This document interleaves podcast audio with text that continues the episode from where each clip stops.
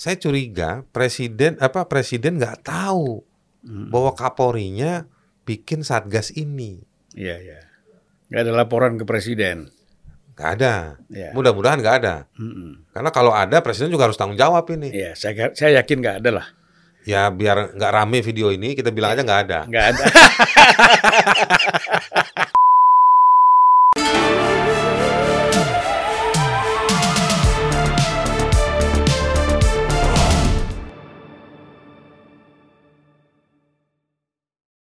Bung Aris, aduh apa kabar? Baik. Lama tak basuh kita nih ya. Dulu Bang Zul ini ngetop di TV kan. Sekarang Ya. udah jarang muncul ya Jarang lah, sekarang di podcast saja. di podcast. Nah. ya. Podcastnya belum pernah dilaporin polisi ya. Ah, Saya udah kenal pot, kenal pot ya. eh, Ada nge- ngehamtam, Oh. ngebahas ham bersama tamu. Ah, Gitu. Kalau yang kenal pot itu kanal podcast untuk orang-orang terpinggirkan.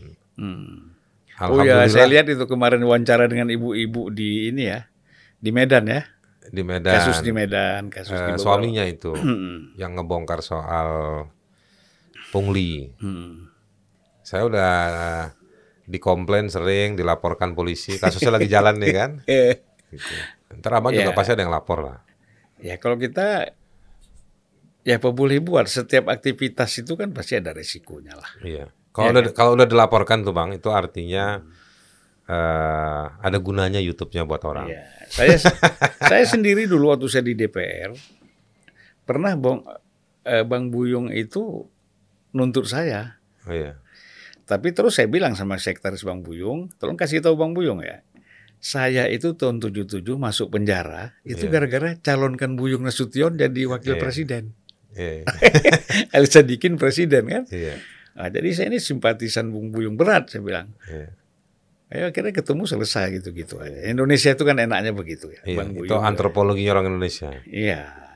Jadi Bung Aris ini saya tahu Bung Aris kan sibuk ya. Menyibukkan diri lah. Belaga sibuk lah, belaga sibuk. belagak sibuk dan ada janji-janji lagi tidak bisa menolak kalau udah janji. iya, iya.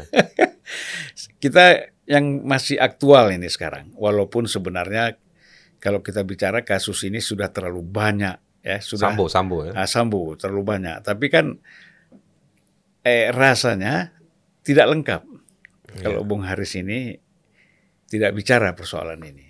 Nah, bagaimana, bagaimana Bung Haris melihat kasus Sambo ini? Saya sebenarnya eh, menghindari untuk bicara untuk soal sambo dari hari-hari awal. Ya, Karena saya tahu ini pasti eh, ramai. ya. Dan eh, alhamdulillah ramai.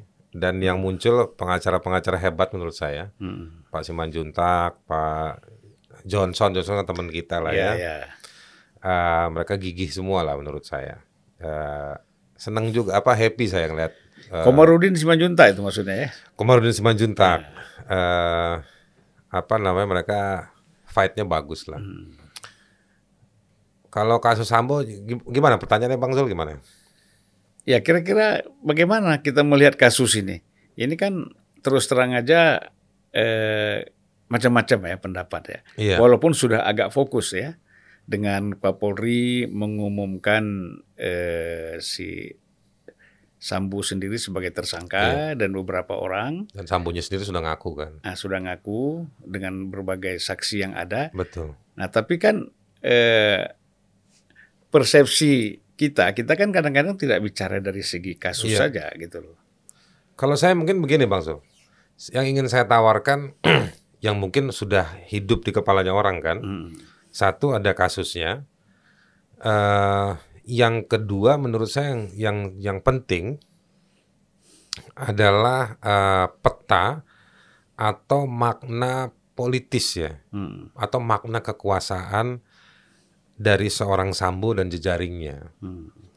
Nah ini yang kemudian rame belakangan eh, kalau saya menyebutnya sebagai season 3 kalau pakai bahasa pendekatan film Korea atau serial film India ini udah masuk ke season 3 Iya.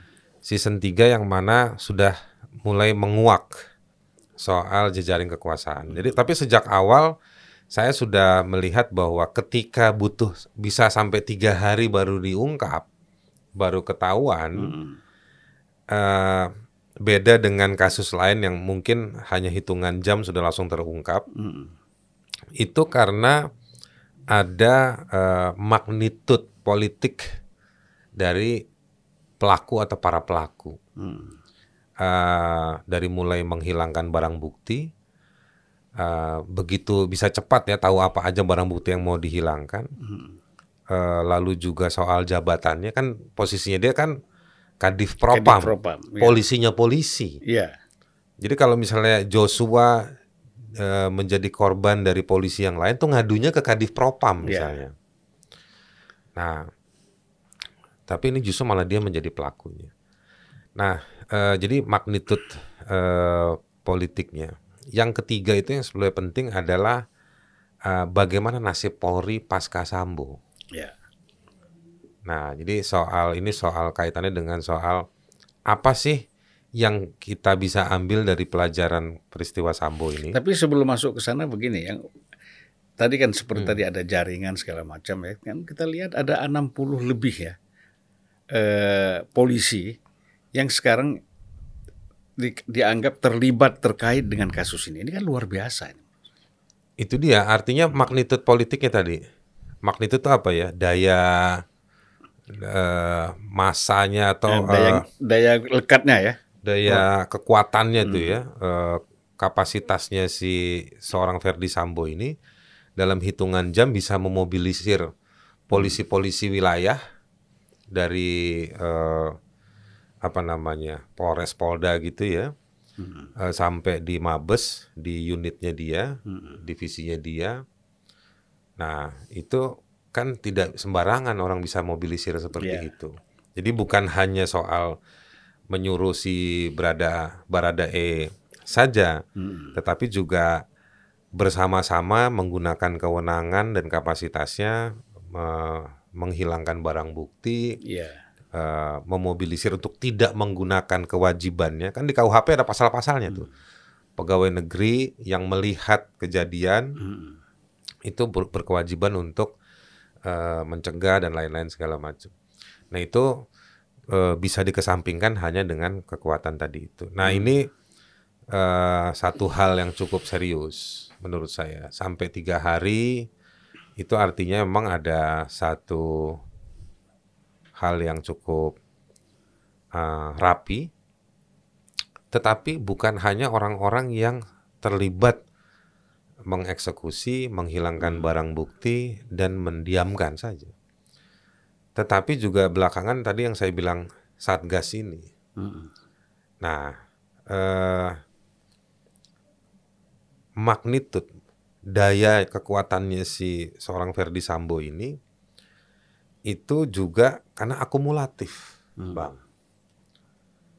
Sudah terbangun akumulatif. Hmm. Jadi dia bukan orang yang tiba-tiba saya kasih gampangnya kayak Mr. Bean yang tiba-tiba datang, yeah.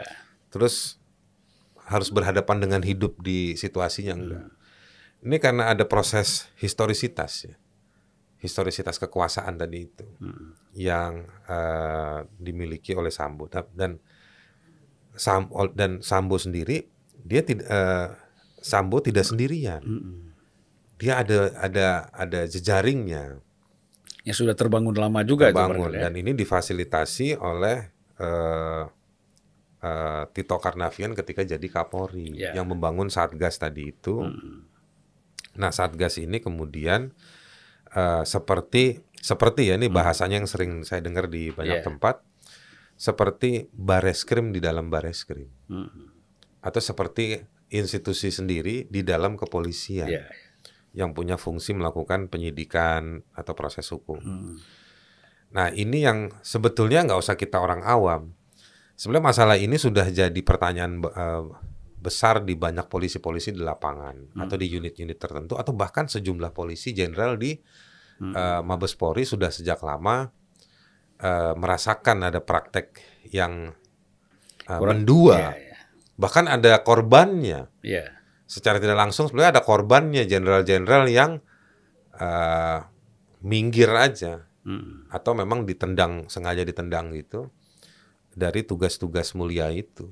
Jadi kalau kita bicara sejak Tito Karnavian ya, itu Tito jadi Kapolri tahun berapa ya? Ya waktu 2000 berapa ya? Ya berarti sebelum pemilu. Satgasus ini lama sekali ya? Sudah lama. Nah, Dari 2019, 2018 berapa? Hmm. Satgasusnya 2019. iya. Tito dari tahun 2018 kalau nggak salah. Jadi itu terbentuk pada saat Tito menjadi Kapolri ya. Oh enggak, sebelumnya Tito itu jadi Kapolri sejak tahun 2016 atau 2017 gitu. Mm. Artinya terbentuk pada masa dia Jadi Kapolri. jadi Kapolri. Dan diteruskan di zamannya Pak Idam Ajis. Hmm. Sampai sebenarnya sampai Pak Listio pun masih keluarkan eh, SK Satgasus itu. Yang terakhir ketuanya sih Nah itu Tersambung. kita lihat ya kalau secara keorganisasian Polri, pembentukan Satgasus ini penyimpangan nggak? kalau kita baca surat keputusan pembentukan Satgasus Hmm. tidak ada yang urgent ya. Mm-mm. nggak ada yang khas yang me- eh, apa namanya tidak ada tugas yang sangat khas yang menanggulangi kekurangan dari kerja dari Bareskrim misalnya Hmm. toh yang diambil sebagian juga orang-orang yang sebetulnya eh, pimpinan dari kerja-kerja reskrim di wilayah Mm-mm. atau orang-orang yang ada di unit reskrim juga yang ada di eh, Mabes misalnya. Nah, rujukan undang-undangnya, rujukannya juga undang-undang, bukan situasi tertentu. Mm. Eh, jadi yang mana setiap undang-undang, misalnya undang-undang pencucian uang TPPU, Mm. undang-undang ITE, itu kan sudah memberikan mandat di undang-undang itu kepada institusi atau pejabat-pejabat tertentu ketika terjadi A, terjadi B, terjadi C. Mm. Tidak ada yang memandatkan untuk dibikin tim khusus gitu, nggak ada. Mm. Nah, eh, jadi menurut saya memang ini kalau bahasa itunya aspal. Mm. SK-nya betul dari Kapolri. Yeah. Tapi isinya Yeah. ini saya curiga presiden apa presiden nggak tahu Mm. bahwa Kapolrinya bikin satgas ini. Iya, iya. Nggak ada laporan ke presiden. Nggak ada. Ya. Mudah-mudahan nggak ada. Mm-mm. Karena kalau ada presiden juga harus tanggung jawab ini. Iya, saya saya yakin nggak ada lah. Ya biar nggak rame video ini kita bilang aja nggak ada. Nggak ada. ya kan? Ya, Karena ya. kalau kita bilang presiden pasti tahu, video ini pasti rame, ya. ya kan? Jadi kita bilang pasti Ini yang ada laporan nanti. ya. Tapi paling enggak dia dapat hasilnya. Iya. Karena misalnya Satgasus ini punya tugas juga untuk eh, di sektor ITE. Mm. Dan kita tahu peningkatan angka pelaporan pidana menggunakan undang-undang ITE ini meningkat semenjak ada Satgas. Mm-mm. Meningkat kan? Iya. semenjak ada satgas, terutama mereka yang eh, dianggap bertentangan, berseberangan dengan pemerintah. Gitu. Iya. Nggak penting isinya apa, pokoknya kalau bertentangan eh, dipidanakan. Nah, jadi memang penting satgas ini diaudit. Jadi Mabes Polri ini tidak hanya harus eh, Pak LSP ya, Listio Sigit Hmm. Prabowo ini tidak hanya mengungkap kasus Sambo. terhadap Brigadir Iya. eh, Joshua saja, tetapi juga harus mengungkap kerja dari Satgasus ini, Hmm. Gitu. Apa saja yang mereka lakukan selama ini kan? Duitnya dari mana, bang? Ya, ini yang persoalan. Duitnya Satgas ini kan kalau di dalam SK itu dari pendanaan Polri. Mm-mm. Berarti itu kan mengganggu kinerja polisi yang ada di polsek. Ya. Kita suka dengar polisi bilang, Ya kalau bensinnya angga- nggak ada. kalau anggarannya dari Polri, tadi gimana? Kalau anggaran dari Polri, Ah, berarti kan mengganggu. mengganggu dana operasional Ya. Polri yang sebenarnya. Yang sudah ditentukan melalui APBN kan? Iya. Penggunaan Iya. anggarannya Itu gitu. kan sampai nanti untuk polsek-polsek. Mm-mm. Yang motornya jelek, mobilnya jelek, Sewa kantor. sewa kantor, yang masyarakat lapor sapi hilang, nggak bisa diproses secara baik. Mm. Yang kadang-kadang kita suka dengar polisinya akhirnya minta duit supaya bisa proses hukum. Ya. Nah, mungkin dananya diambil karena di porsi besar ini. Mm-mm. Ada untuk dipakai untuk satgas mungkin. Kita bilang bisa pakai kata mungkin, Bang. Loh, tapi kan begini. Yang terdengar informasi kan seolah-olah Satgas ini uangnya cukup banyak. hasilnya. Ah, dan Ah. kemudian bisa eh, membangun jaringan yang begitu hebat, begitu Betul. besar. Nah, jadi eh, penanganannya bisa sampai judi juga, Hmm. Ya kan? Yang ramai itu judi online katanya. Judi kan? online, Konon ya, konon ya, konon, konon. Nah, konon katanya judi online. ya. Lalu beberapa kasus yang lain, pangan juga, Mm-mm. ya kan? Nah, yang ditangkap tangkepin itu, kok kasusnya nggak pernah ke pengadilan, Ya. ya kan? Mm. Kasus-kasus yang ditangani oleh Satgas ada berapa sih? Buka dong di atas meja. Mm-mm. Kalau dibilang nggak ada, berarti nggak ada gunanya. Ya. Untuk apa? Gak ada kerjanya. Kalau nih Satgas ini eh, penting, bagus, mana hasilnya? Iya. Ada berapa kasus? Nah, yang ditangkap diurus berapa kasus? Nanti kita bandingkan di putusan pengadilan. Berapa yang ke pengadilan? Tapi kan begini Bung Haris, Pro, Propam ini kan sebenarnya dia kan menang, menangani kasus-kasus pelanggaran yang dilakukan oleh Polri di internal Iya. Polri kan? Tapi kan propamnya direkrut juga jadi Satgas.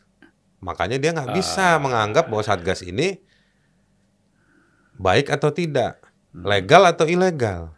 Dan memang bukan bidangnya. Hmm. Mestinya ini bidangnya Irwasum yang harusnya memeriksa. Hmm. Lalu juga mestinya sejak tahun pertama tahun kedua sudah dievaluasi oleh Kompolnas, Hmm.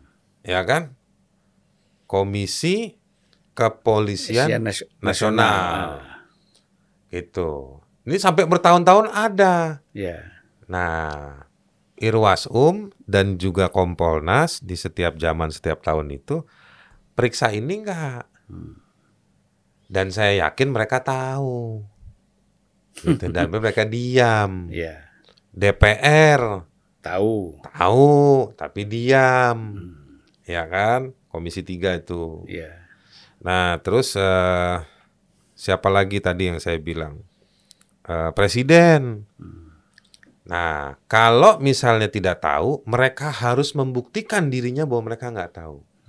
Kalau sampai mereka nggak tahu, makin sah untuk kita bicara katakan bahwa Satgas ini dia aspal, Hmm. asli tanda tangan setiap Kapolri, tapi dia menjalankan fungsi palsu Ya. karena dia mengulangi tugasnya si polisi. Nah, itu satu. Yang kemudian juga adalah tadi matematikanya, Bang.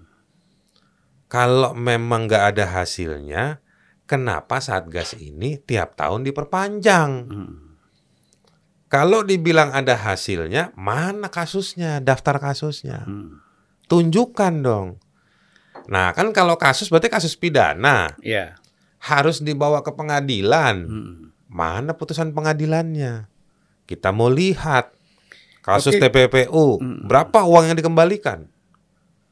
Betul nggak? Hmm. Eh, kasus korupsi, berapa kasus yang di- uang dikembalikan ke negara? Nah, jadi kita harus lihat itu matematikanya. Gampang ini, Hmm. ya kan? Kalau sampai kita diem aja dan kita nggak dikasih datanya, bodoh lah kita ini namanya, gitu. Nah, ini jadi kenapa pada nggak tahu? Kenapa kalau tahu pada diem aja? Lalu mana hasilnya? Hmm. Gitu. Lalu ketap- kenapa setiap Kapolri semua tanda tangan aja? Perpanjang. perpanjang. Nah, jadi itu aja lo diperiksa. Itu dulu diperiksa, baru nanti kita kan rame nih beredar tuh yang gambar-gambar itu kan. Hmm. Kerajaan Sambo, kerajaan Sambo itu Ya. kan. Ya. Ada 1, triliun berapa dibilangnya kayak gitu. Di situ dibilang eh, kalau dibilang data itu, wah itu nggak valid, nggak ada sumbernya. Hmm. Ya kita bilang juga aja, yang bilang itu hoax, kita tanya sumber hoaxnya dari mana. Hmm. Jadi ya 50-50 lah. Ya. Nah, itu kita jadikan aja sebagai bahan diskusi Hmm. untuk kita menelurkan eh, pertanyaan-pertanyaan yang lebih metodologis. Hmm. Seperti tadi tuh, kenapa bertahun-tahun ada, Hmm. eh, kenapa dibiayai, Hmm. eh, apa hasilnya, nah kayak gitu. Nah, di bahan tadi itu disebut juga, Bang. Katanya selain judi ada tambang, Hmm. ada Narkotik. narkotika, ITE. Hmm. Nah, kalau yang tapi menariknya di bahan itu yang diurai hanya soal alur judinya aja. Hmm. Tambang. Tambang nggak ada. nggak ada. Narkotiknya juga nggak ada. narkotiknya juga nggak ada. Nah, menarik sebelah buka yang tambang juga. Alurnya seperti apa itu? Karena di tambang itu Hmm. ada saham di atas meja, Hmm. ada saham di belakang meja, di bawah meja. Hmm. Ngalirnya itu ada. Dan kita tahu memang di lapangan itu adalah tuh uang-uang buat yang seragam warna apa, seragam warna apa, Oh, ada gitu ya. semua. ya kan? Ada warna uang Iya. Abang jangan bilang oh gitu ya, abang kayak nggak ngerti aja. Jangan abang dapat juga kan? nah, kayak Kalau gitu, dapat kita nggak bikin podcast. Nah itu dia. Ini kita bikin podcast karena kita nggak dapat. nah jadi itu bang. Ongkos lepas apa? Ongkos lepas rantai dari tong eh, lepas eh, jangkar supaya Ya. tongkang bisa jalan tuh berapa? Ada semua itu di lapangan. Iya, iya. Gitu, ya kan? Batu bara lah bang, barang Tuhan bagi rata Iyalah. katanya, ya kan? Nah jadi itu mesti diungkap juga, gitu. Jadi memang eh, ya inilah eh, saya jadi ingat ya situasi di Georgia di Georgia itu di Eropa Timur itu lu pernah itu polisinya dibubarkan istilahnya. Jadi fungsi keamanan dikasih tentara fungsi administrasi hukum diserahkan ke Kementerian Kehakiman. Dan dipecat semua polisi direkrut ulang setelah setiap polisi bisa membuktikan bahwa dia baik. Nah ketika dibubarkan angka kejahatan itu malah menurun. Hmm. Jadi ini sumber di Georgia, Iya, iya. di Georgia. Di Indonesia mah enggak, enggak. Di sini mah baik kita. Nanti kalau nggak ada polisi malah ma- lebih meningkat kejahatannya. eh tapi dalam beberapa situasi memang kejahatan itu yang semakin bahasanya ya semakin elit dan tinggi, semakin cerdas itu memang dilindungi oleh kekuasaan. Terlalu banyak yang terlibat. Iya, dilindungi oleh kekuasaan le- lewat kebijakannya, lewat otot dan senjatanya, lewat akses dan informasi. Oke, Bung Aris.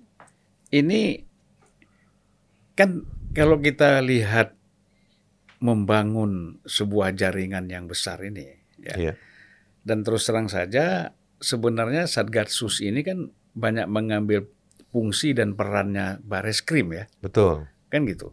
Nah, ini kan jadi jadi dualisme di dalam polisi dalam menangani kasus. betul. Nah, ini kalau kita lihat keberhasilan eh, Sambu ini membangun jaringan di dengan Satgasusnya, itu apa karena pengalaman dia kita lihat memang dia sangat berpengalaman di dalam bidang reskrim mulai dari kapok di Polres, di Polda, dia kan banyak sekali aktif di sebagai menjabat di reskrim. Sebetulnya itu sih ada ribuan polisi atau ribuan perwira juga punya pengalaman yang sama. Tetapi eh, ini kan soal siapa yang bisa mengakses pemegang bandul, bukan bandulnya tapi pemegang bandul. Iya. Nah, ketika siapa yang punya ide dan mengeluarkan SK itu di awal, Hmm. jadi memang jajaringnya orang tersebut, ya kan? Hmm. Nah, jadi ke sana ada faktor loyalitas, skill. Jadi ya makin makin direkrut, makin beroperasi, makin disupport, ya makin makin Hmm. makin baik lah performanya di pembagian tugas di dalam satgas itu. Tapi yang menarik tuh begini loh, Bang. Pertanyaan Abang itu saya ingin jawabnya orang-orang ada sejumlah nama yang konsisten dari sejak awal sampai belakangan ini nama-nama itu ada dalam satgas. Hmm. Ya kan? Hmm. Ada yang namanya ada terus dia. Jenderal? Nah, nah ini dia yang, kedua adalah waktu dulu masuk masih perwira menengah. Hmm. Karirnya cepat sekarang ini. Hmm. Contoh Sambo lah ya. Dulu waktu masuk di awal-awal masih perwira menengah, Hmm. ya kan? Sampai kemarin di wisuda sama Listio itu dibubarkan, di, di- ya kan? Hmm. Sampai udah berapa tahun itu udah bintang dua. Angkatan 94 pertama bintang 2. Iya. Hmm. Kalau menurut selebaran yang beredar itu bahkan mau dijadiin Kapolri di 2024 kan? Waduh dahsyat. Yang Jadi mana yang mana tinggal dua tahun lagi. Jadi satu bintang setahun. jadi Se- kemampuan rekayasanya Sambu ini luar biasa ya. menurut atau- saya bukan Sambo. Yang bandul tadi, pemegang nah, bandul. pemegang bandul. Nah, menurut saya ini gini. Jadi memang yang ada di Satgas ini karirnya moncer, pangkatnya moncer. Hmm. Gitu. Ya karena luar biasa Nah, kekuasaan. selama mereka jadi Satgas itu mereka bisa datang ke tempat-tempat tertentu untuk Hmm. tiba-tiba atas nama supervisi mereka yang umumkan, mereka nanti yang dapat nama kayak gitu-gitu. Terus kasus yang harusnya berlanjut bisa berhenti. Iya. Karena menurut saya nggak adil polisi-polisi di lapangan di daerah yang mereka mereka yang bekerja ya mereka yang harusnya dipromot. Iya. Tetapi karena seolah-olah ada tim dari Jakarta Mm. yang mana tuh sebetulnya kita kan lu sering dengar ya tim dari Jakarta diberangkatkan, tim Iya, dari iya, Jakarta. iya, iya. Ternyata itu satgas ternyata. Oh, pakaian sipil. Kadang-kadang Yang sipil, ya. Ya, tapi saya alhamdulillah mereka masih berpakaian lah. Saya takutnya kan nggak berpakaian. gitu. Iya. Yang saya yang kita mengherankan ya, artinya kan seorang Kapolri itu tahu bahwa dengan membentuk satgas ini kan perannya reskrim itu berkurang. Yang notabene juga organiknya dia kan. Iya. Kenapa harus dibentuk lagi satgas ini ya? Ya ini mungkin ada ada politik sandra di dalam institusi. Hmm, Ya ini yang bubarkan kan Palistio. ya. Tetapi kan juga ada SK yang ditandatangani juga oleh Palistio Hmm, untuk memperpanjang satgas tersebut. ya. Dan ada sejumlah orang dari Kapolda Kapolda apa dari Kapolri sebelumnya kan Hmm, yang kita tahu dekat dek, eh, loyalisnya A si B gitu. Iya. Nah mungkin ya perlu dicari tahu juga kenapa Palistio mengakomodir kelompok tersebut. Atau kenapa paling nggak bahasa positifnya begini kenapa Palistio nggak punya orang sih? Hmm, yang mana sebenarnya kita tahu ada polisi-polisi yang baik pintar dan berani juga. Ya kan? Dan masih bisa diharapkan ya. banyak bintang tiga ada berapa selain Pak Agus ya kabar eskrim. Pak Agus ini kan semangat betul nih kemarin kan? Hmm, kayak bola bekel dia lincah tuh kan? Ya. Tapi emang orangnya begitu nih ceplas-ceplos segala macam tapi selain Pak Agus kabar eskrim ada lagi misalnya Pak Arif ya eh, bersyukurnya kita Palistio ini dikelilingin oleh jenderal-jenderal yang seperti inilah Iya. lumayan lah Ya berarti kalau kita lihat di sini di Tronojoyo sendiri ada pertarungan ya atau ada Ada lah. pertentangan antar jenderal ini ya. Iya, kita nggak usah tutup-tutupi lah. Ah. Ada faksi-faksi itu dalam polisi. Iya. Eh, kalau Palistio ini kan, eh, ya memang punya apa namanya surat kuasa khusus lah. Kalau Hmm. bahasanya lawyer itu dari kira-kira gitu ya dari Kapolri. Karena memang secara undang-undang kan memang Kapolri itu di, ditunj- eh, ditunjuknya oleh presiden kan. Mm-mm. Dan memang secara secara historis ya punya punya kedekatan dengan presiden. Ya. Nah, eh, dan Palestino ini kan kalau yang kita pahami kita lihat ya bukan orang yang agresif mau macam-macam. Nggak gila nyanyi baru kemarin aja joget di istana kita lihat kan. Mm. Sebelum-sebelumnya kan nggak pernah kita Ya, ya. apa ngagetin Panglima TNI Andika dengan ulang tahun kayak yang sebelum-sebelumnya kan begitu kan nggak ada kan gaya-gaya begitu nggak ada cukup sederhana Ya, ya. Gaya gaya pekerja lah. Eh? ya paling enak kita bilang ya gayanya Listio lah Ya. Nah, eh, ada faksi-faksi yang sederhana kayak Palistio, tapi diem tapi jalan gitu. Ada faksi eh, dulu kita suka dengar faksi BG, faksi Tito, Mm. ya kan? Ya. Eh, pertarungannya cukup kuat itu. Ya s- Satgas ini menurut saya nih, menurut saya nih ya, saya yang bertanggung jawab. Abang nanti nggak usah Iya. kalau dilaporin polisi, abang nggak kenal lah. Tapi menurut saya kalau Satgas ini banyak yang secara historis memang punya kedekatan dengan Tito, Ya. gitu. Ya karena dasar SK-nya kan SK-nya SK Tito. yang ya. bentuk kan Tito. Nah, eh, tapi karena Pak BG ini juga eh, orang polisi meskipun di BIN ya, jadi ya masih ada juga lah kita dengar lah ribut-ribut itu. Siapa lagi faksi itu ya? Ya yang sebenarnya yang dominan ya faksi BG, faksi Tito, Tito itu. ya. Karena Ya. juga persoalan pertarungan menjadi Kapolri juga kan. Iya. Diawali dari situ ya. Betul, akhirnya ada dua bintang empat, satu di Pejaten, satu di Turnojoyo, Iya. begitu begitulah. nah jadi ya begitu ada Palistio nih agak apa agak enak juga kita dengernya gitu. Bukan faksi Dedo, tapi ya memang ada satu nih yang punya satgas ini nih yang masih hidup di dalam. Nah faksi ini yang memang masih situasinya masih kayak begitu. Ya. Dan bagaimana Bung Haris melihat tentang opini-opini yang berkembang ya di tengah-tengah masyarakat bahwa di dalam internal Polri itu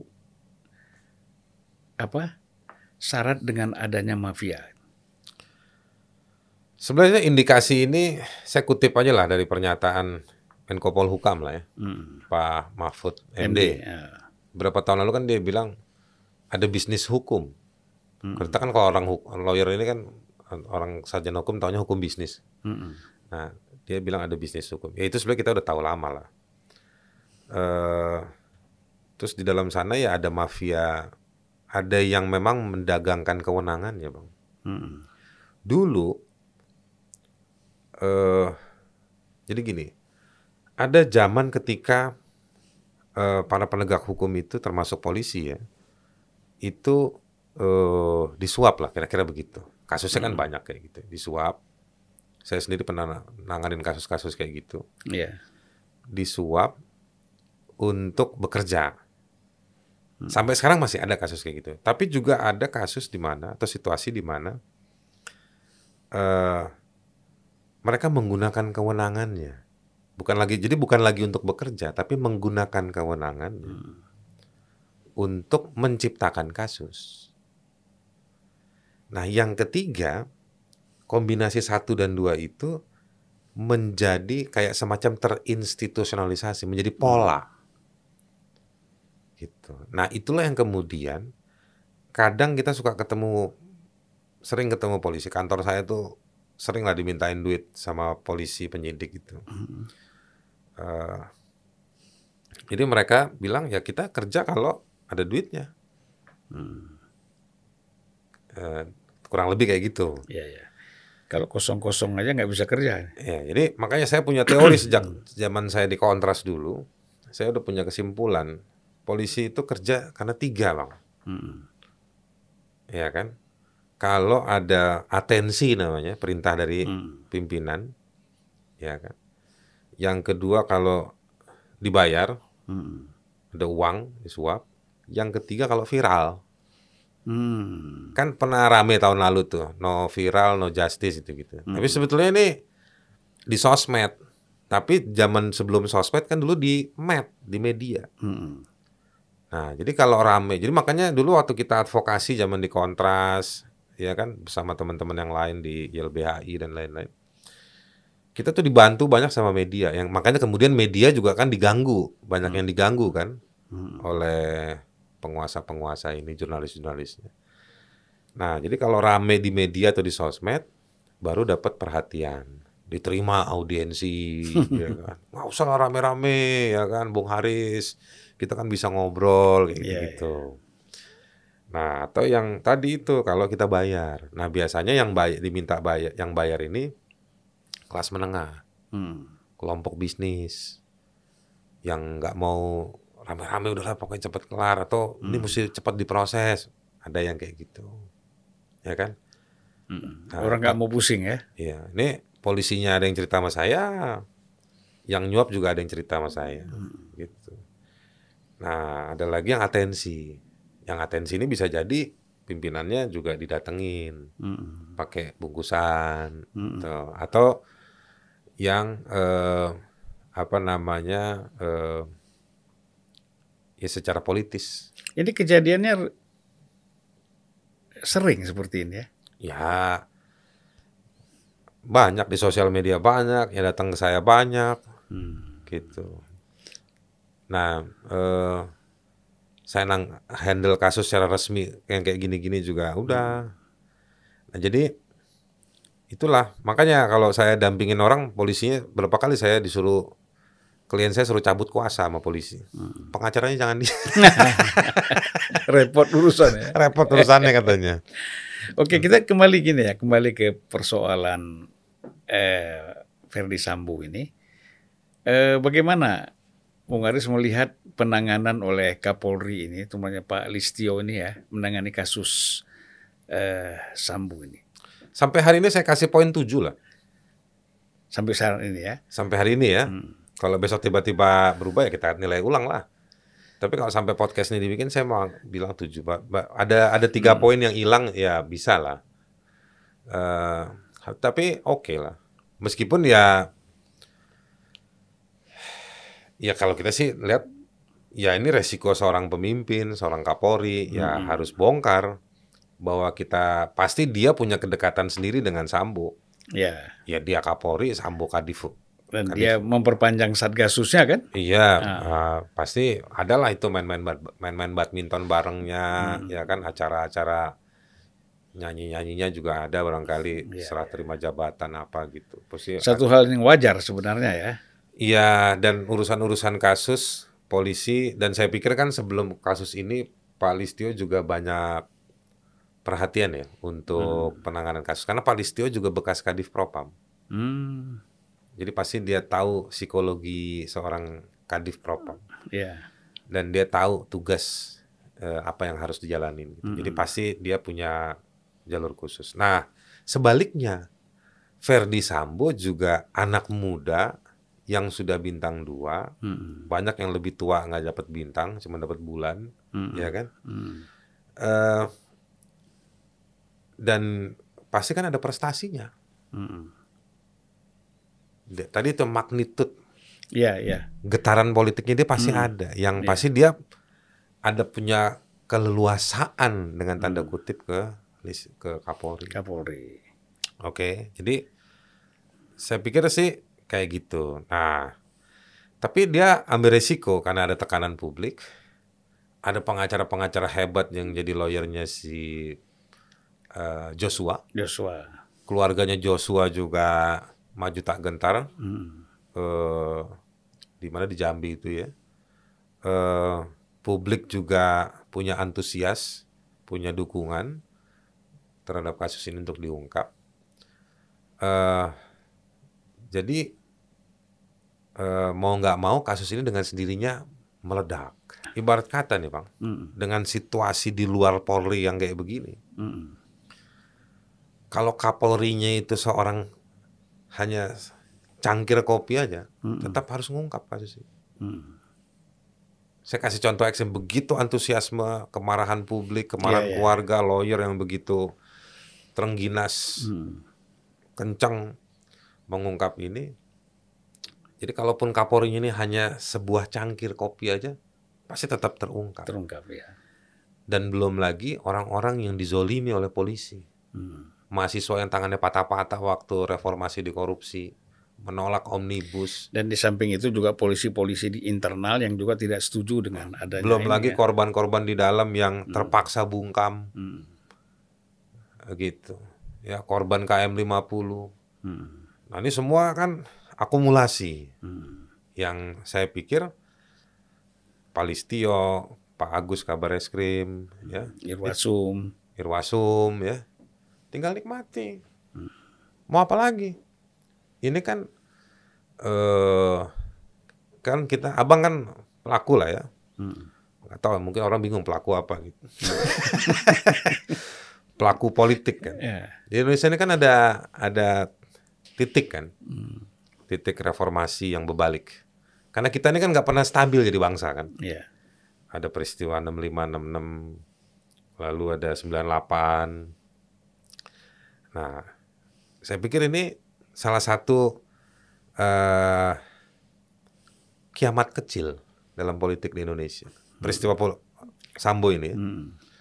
Karena ketika dia tidak ada, karena ketika di- eh, politik kita tidak pernah stabil dan dia belakangan kan berakumulasi pada musuh bersama yang namanya oligarki. Hmm. Nah oligarki ini kan punya penyangga dan aktor Hmm. atau aktrisnya. Nah salah satunya ini situasi ini. Hmm. Jadi magnitudnya itu. Jadi bukan sekedar kekerasannya. Kekerasan ini kan dia juga mungkin ekspresi atau memang tujuan dari satu akumulasi peristiwa-peristiwa yang dialami Sambo dan jejaringnya, yang sehingga dia bisa tahan lama retensi tiga hari itu.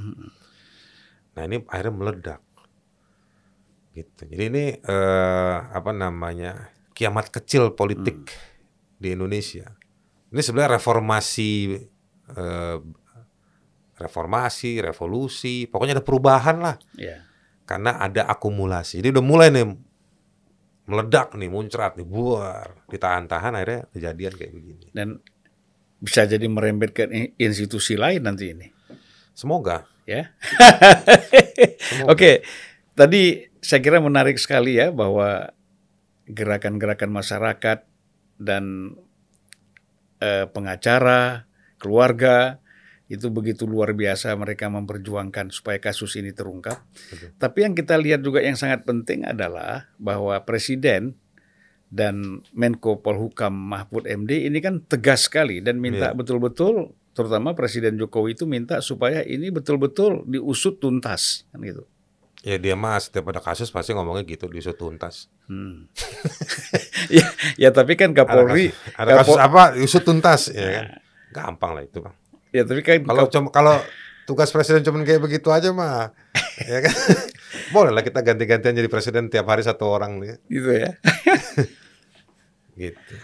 Dah, jadi gini, eh, apakah ya eh, sikap presiden ini di dalam konteks memerintah Kapolri agar ini diselesaikan kasus ini Hmm. Ada terkesan bahwa kayaknya jabatan Kapolri ini Tergantung Sigit, presiden. eh, Sigit ini nggak lama lagi nih. Enggak lah. Eh, menurut saya, menurut saya sih yang dikerjakan Palistio, meskipun Palistio sendiri juga bilang sebagaimana perintah presiden, Mm-mm. eh, ada yang ada yang protes. Saya juga ka- mempertanyakan juga kenapa mesti atas nama presiden. Mm-mm. Kapolri kan harusnya atas nama hukum. Ya. Tapi ya dalam prakteknya oke lah. Gitu. Meskipun di awal-awal Mabes Polri ini kan sempat nutupin kan. Mm. Eh, keterangan-keterangan dari dari Humas Polri itu kan sempat nutupi kan, ngikuti ngikuti angin awal itu. Tapi mau berubah. Mm. Nah, karena memang tekanan dari keluarga, kuasa hukum keluarga dan masyarakat juga. Tapi ya setelah ditekan, dibuka, dibuka makin hari makin terang benderang, eh, ya saya pikir udah oke lah. Bahkan cepat Pak Iya.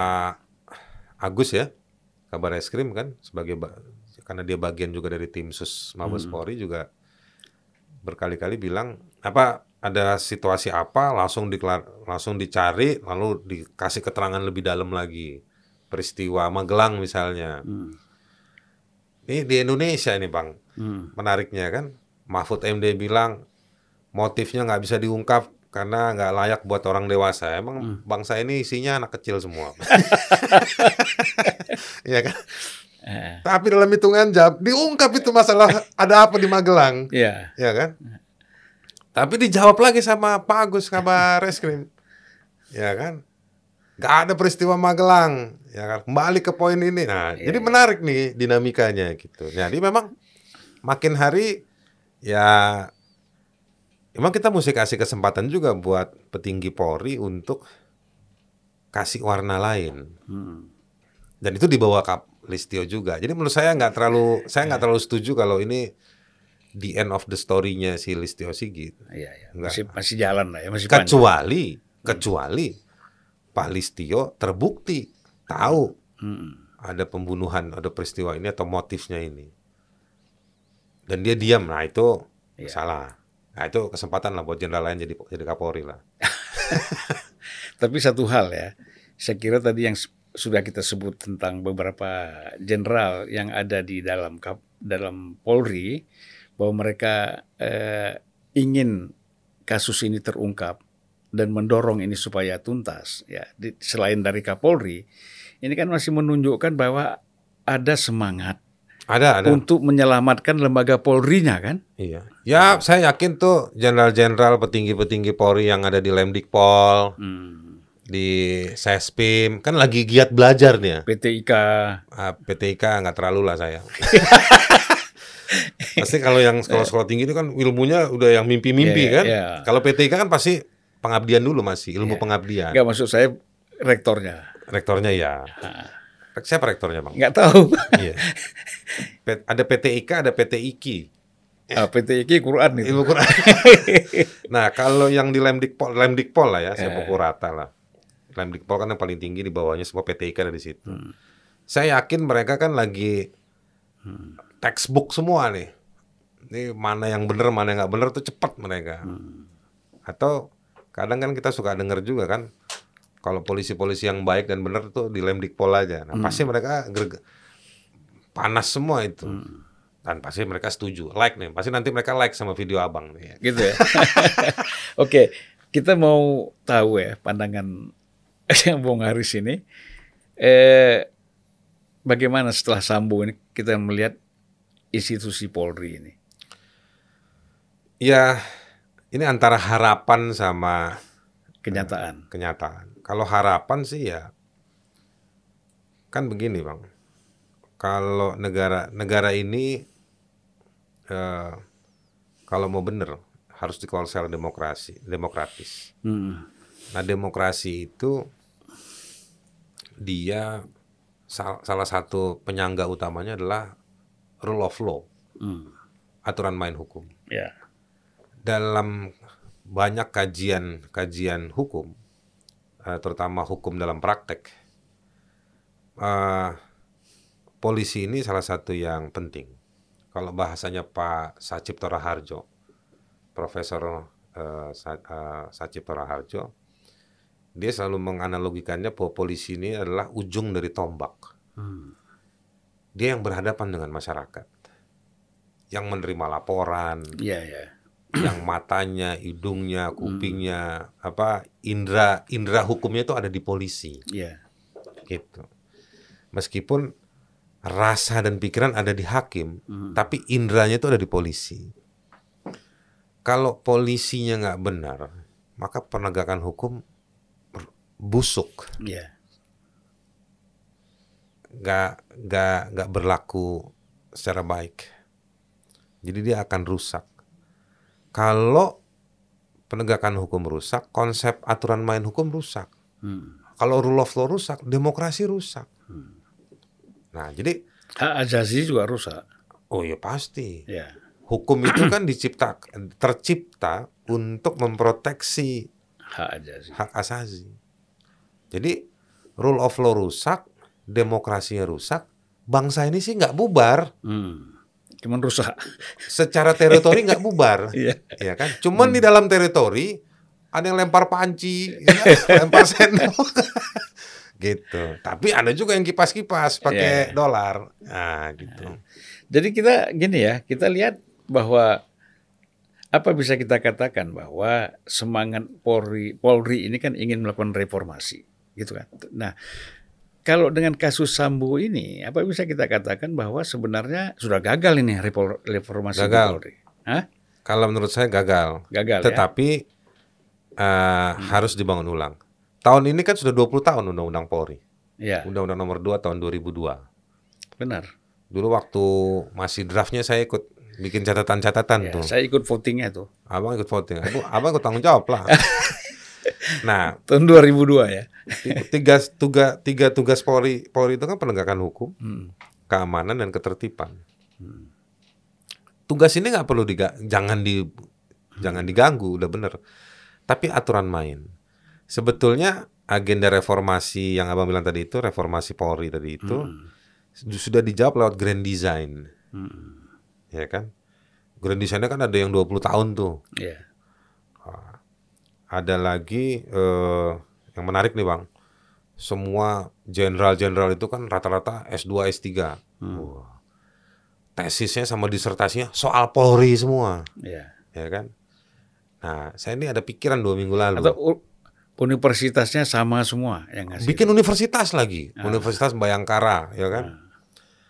Nah, jadi eh, yang saya mau bilang begini bang, saya dua minggu lalu ada pikiran, kita tuh mesti kumpulin buku-bukunya semua petinggi Polri yang hebat-hebat itu, Hmm. ya kan, yang bikin agenda polisi harus bagaimana kita kumpulkan. Kok nih jadi buku, tapi Polrinya kok nggak jadi, Hmm. nggak jadi makin maju. Ya kan? Iya, iya. Yang dibilang maju itu bukan pakai alatnya.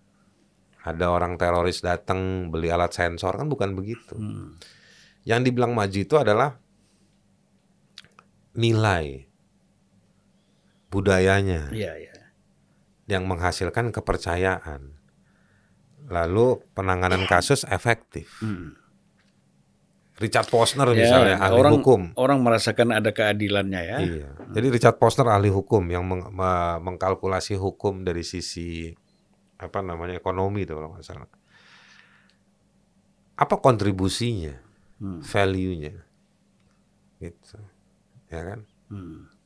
Boleh juga tuh kita tunggu tuh komentarnya Sri Mulyani sebagai Menteri Keuangan. Ya. Bagaimana kontribusi Polri Hmm. untuk meningkatkan pendapatan negara?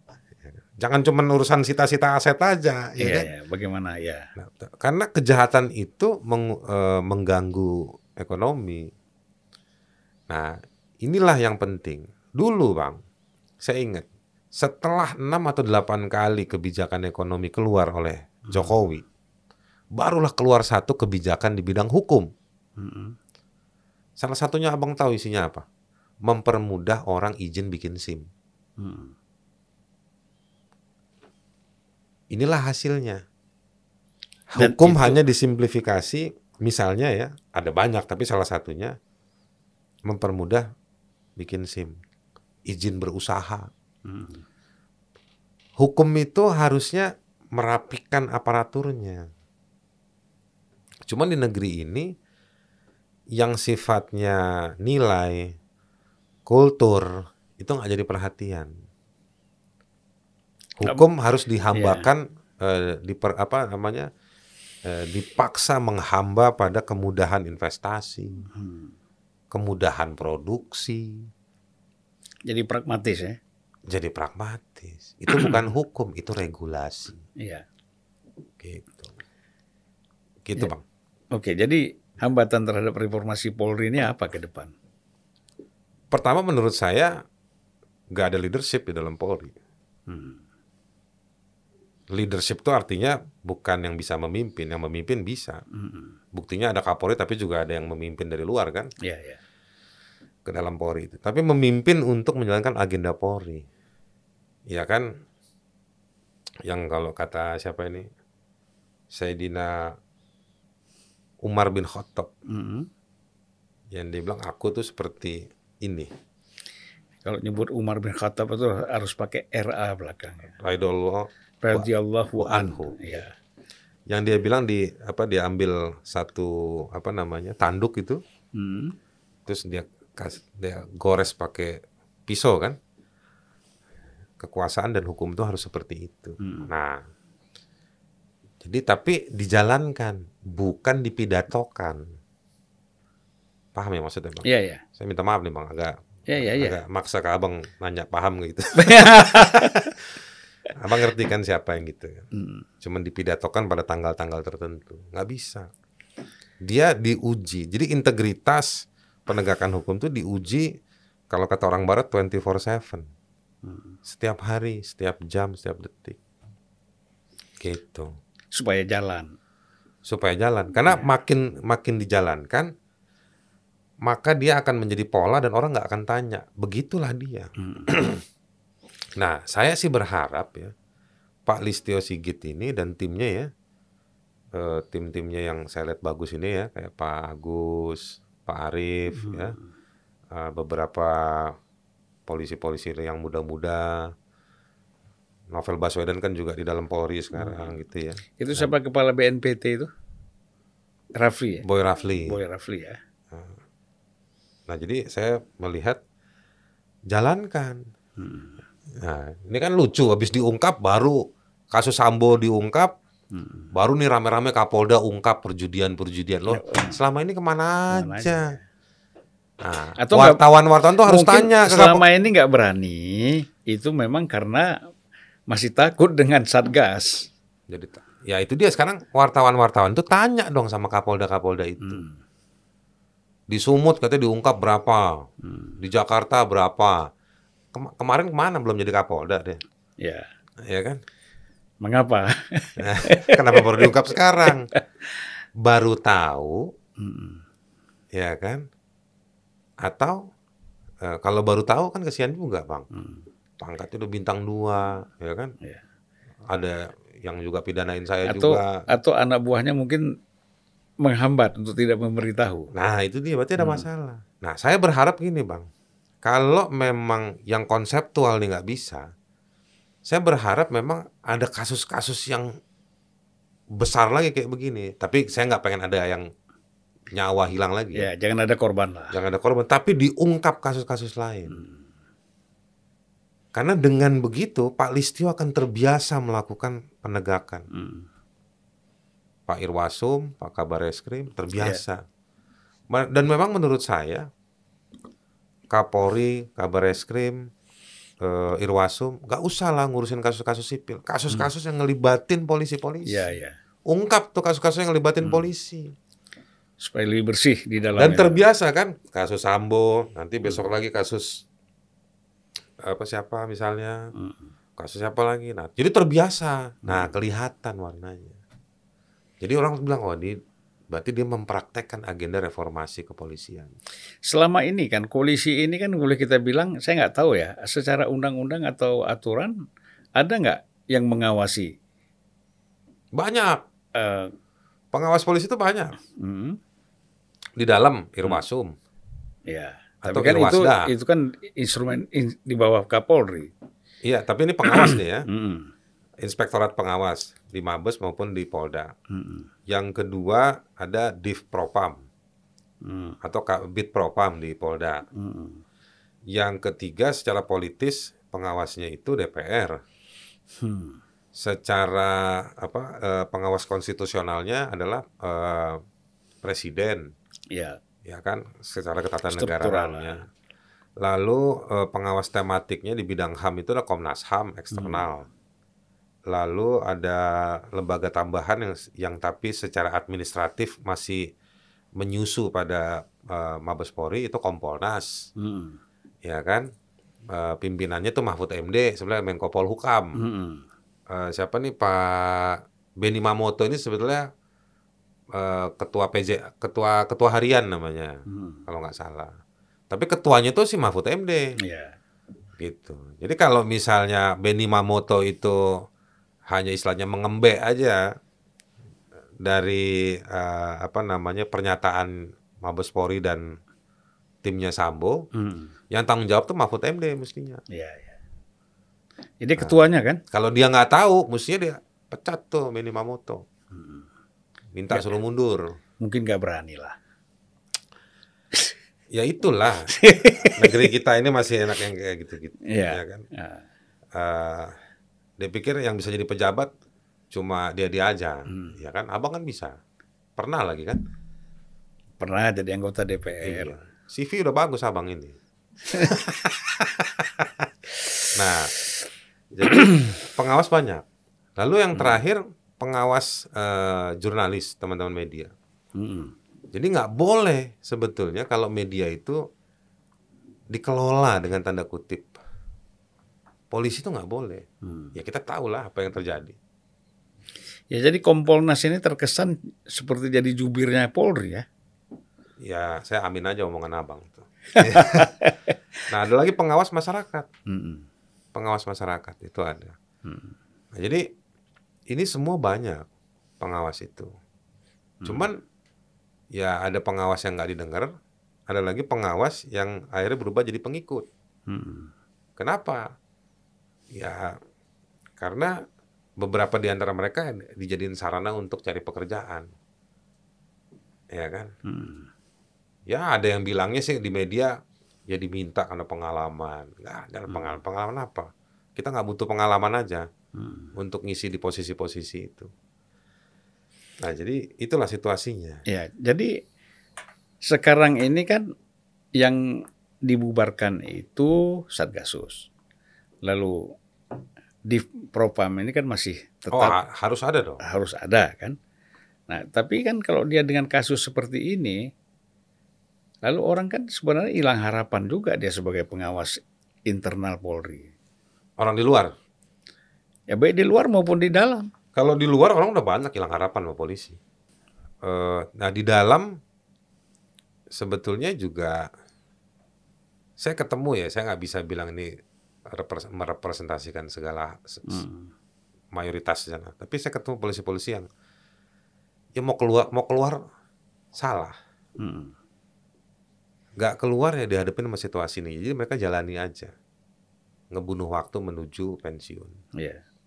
Ada lagi saya ketemu polisi. Di polisi itu ada nggak pensiun pensiun dini ya? Seperti Banyak. AN ASN itu kan ada. A- ada polisi. Beberapa saya tahu orang. Ada Hmm. yang banting setir jadi eh, pejabat, Hmm. ikut pilkada. Ada yang menang, ada yang enggak. Hmm. Yang enggak pindah daerah lain, ikut lagi, Hmm. ikut partai. Ada gitu begitu. Jadi caleg. Indonesia, Bang. Ya. Oke. Eh tadi kan kita sebut bahwa Komisi 3 ini salah satu yang ikut mengawasi Iya. institusi Polri. Betul. ya. Nah, dalam kasus ini, bagaimana Bung Haris melihat ini?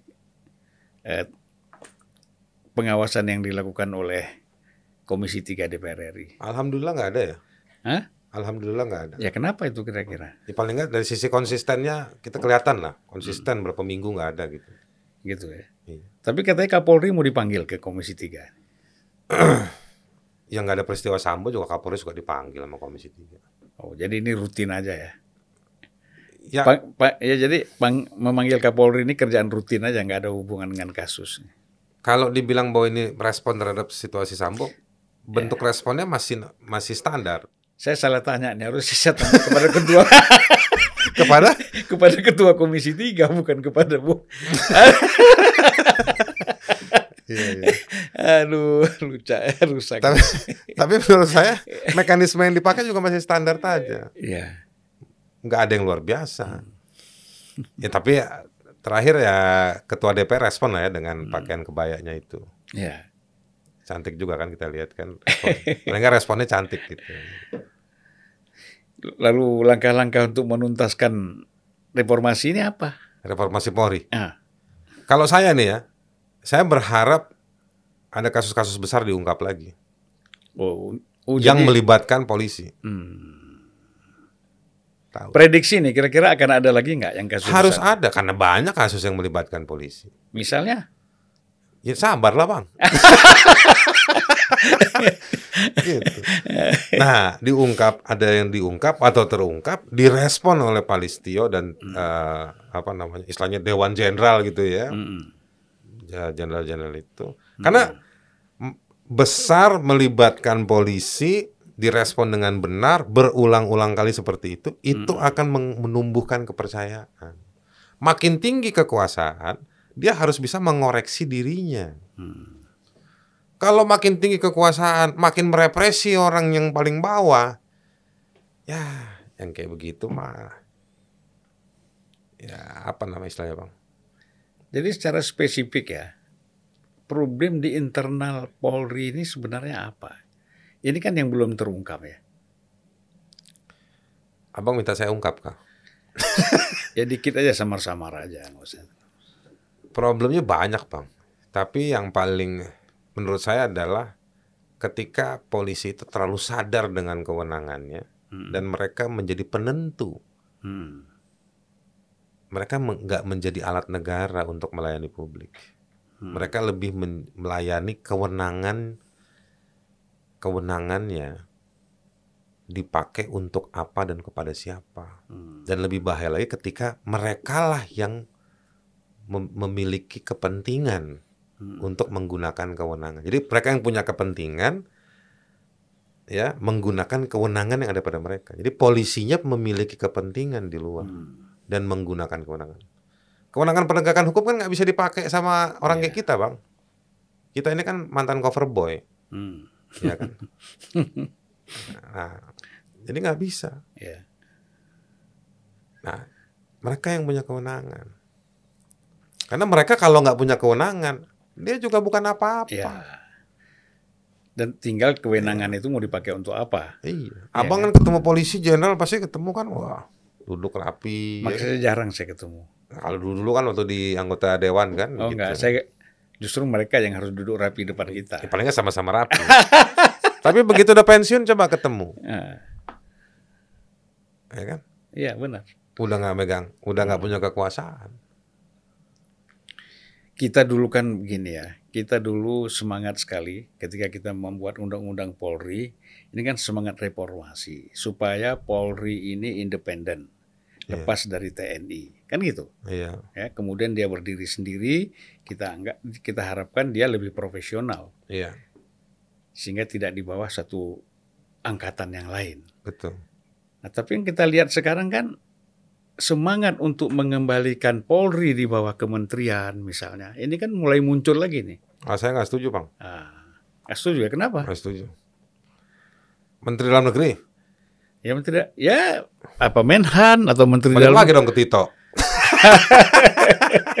bikin satgas lagi nanti. ya. Iya. Iya kan? Minum kopi dulu, Bang, kita, Bang. Hmm. Saya jual kopi, Bang. Boleh promosi ya? Boleh dong. Kopi Haris, Bang.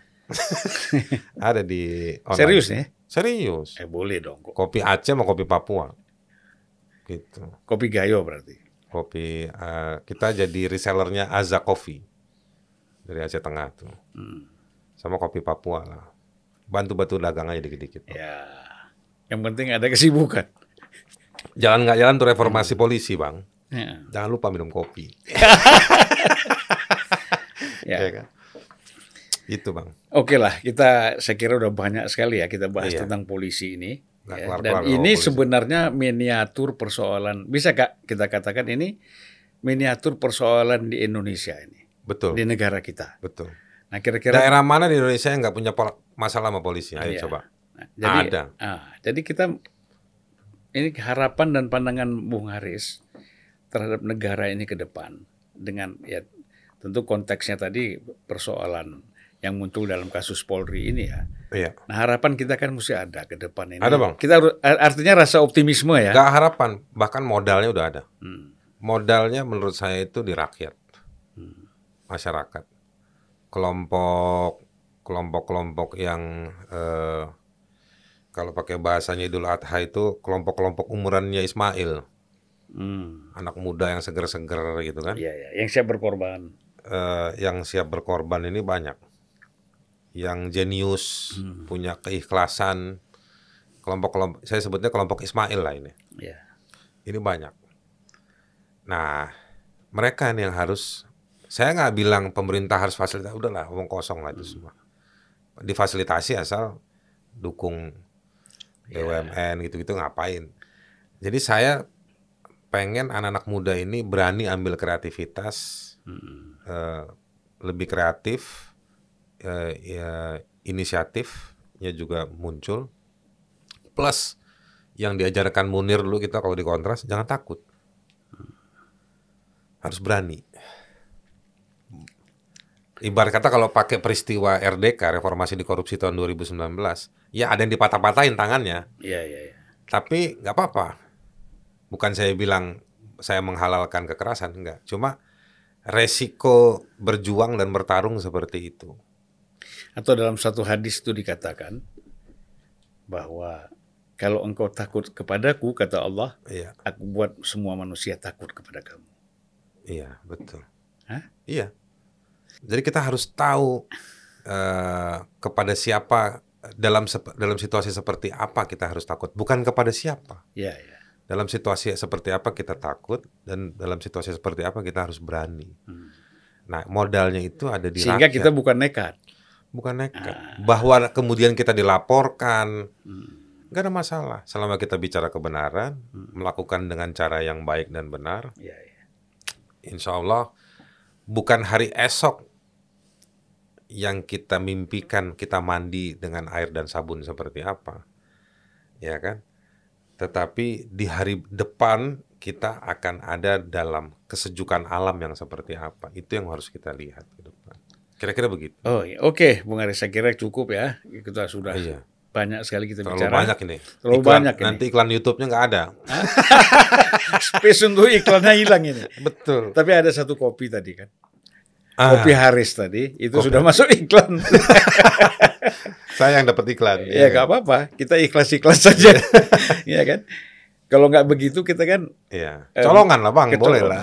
Ya, merasa rugi kita kan. Iya. Tapi kan kita karena ikhlas jadi tidak ada yang kita rasakan rugi. Saya kira itulah saya kira kita semua lah harapan Iya. yang disampaikan oleh Bung Haris tadi ada generasi muda, anak-anak muda yang memang Iya. masih mereka punya semangat masih untuk membangun Indonesia ke depan. Itulah harapan kita. Mudah-mudahan akan sukses.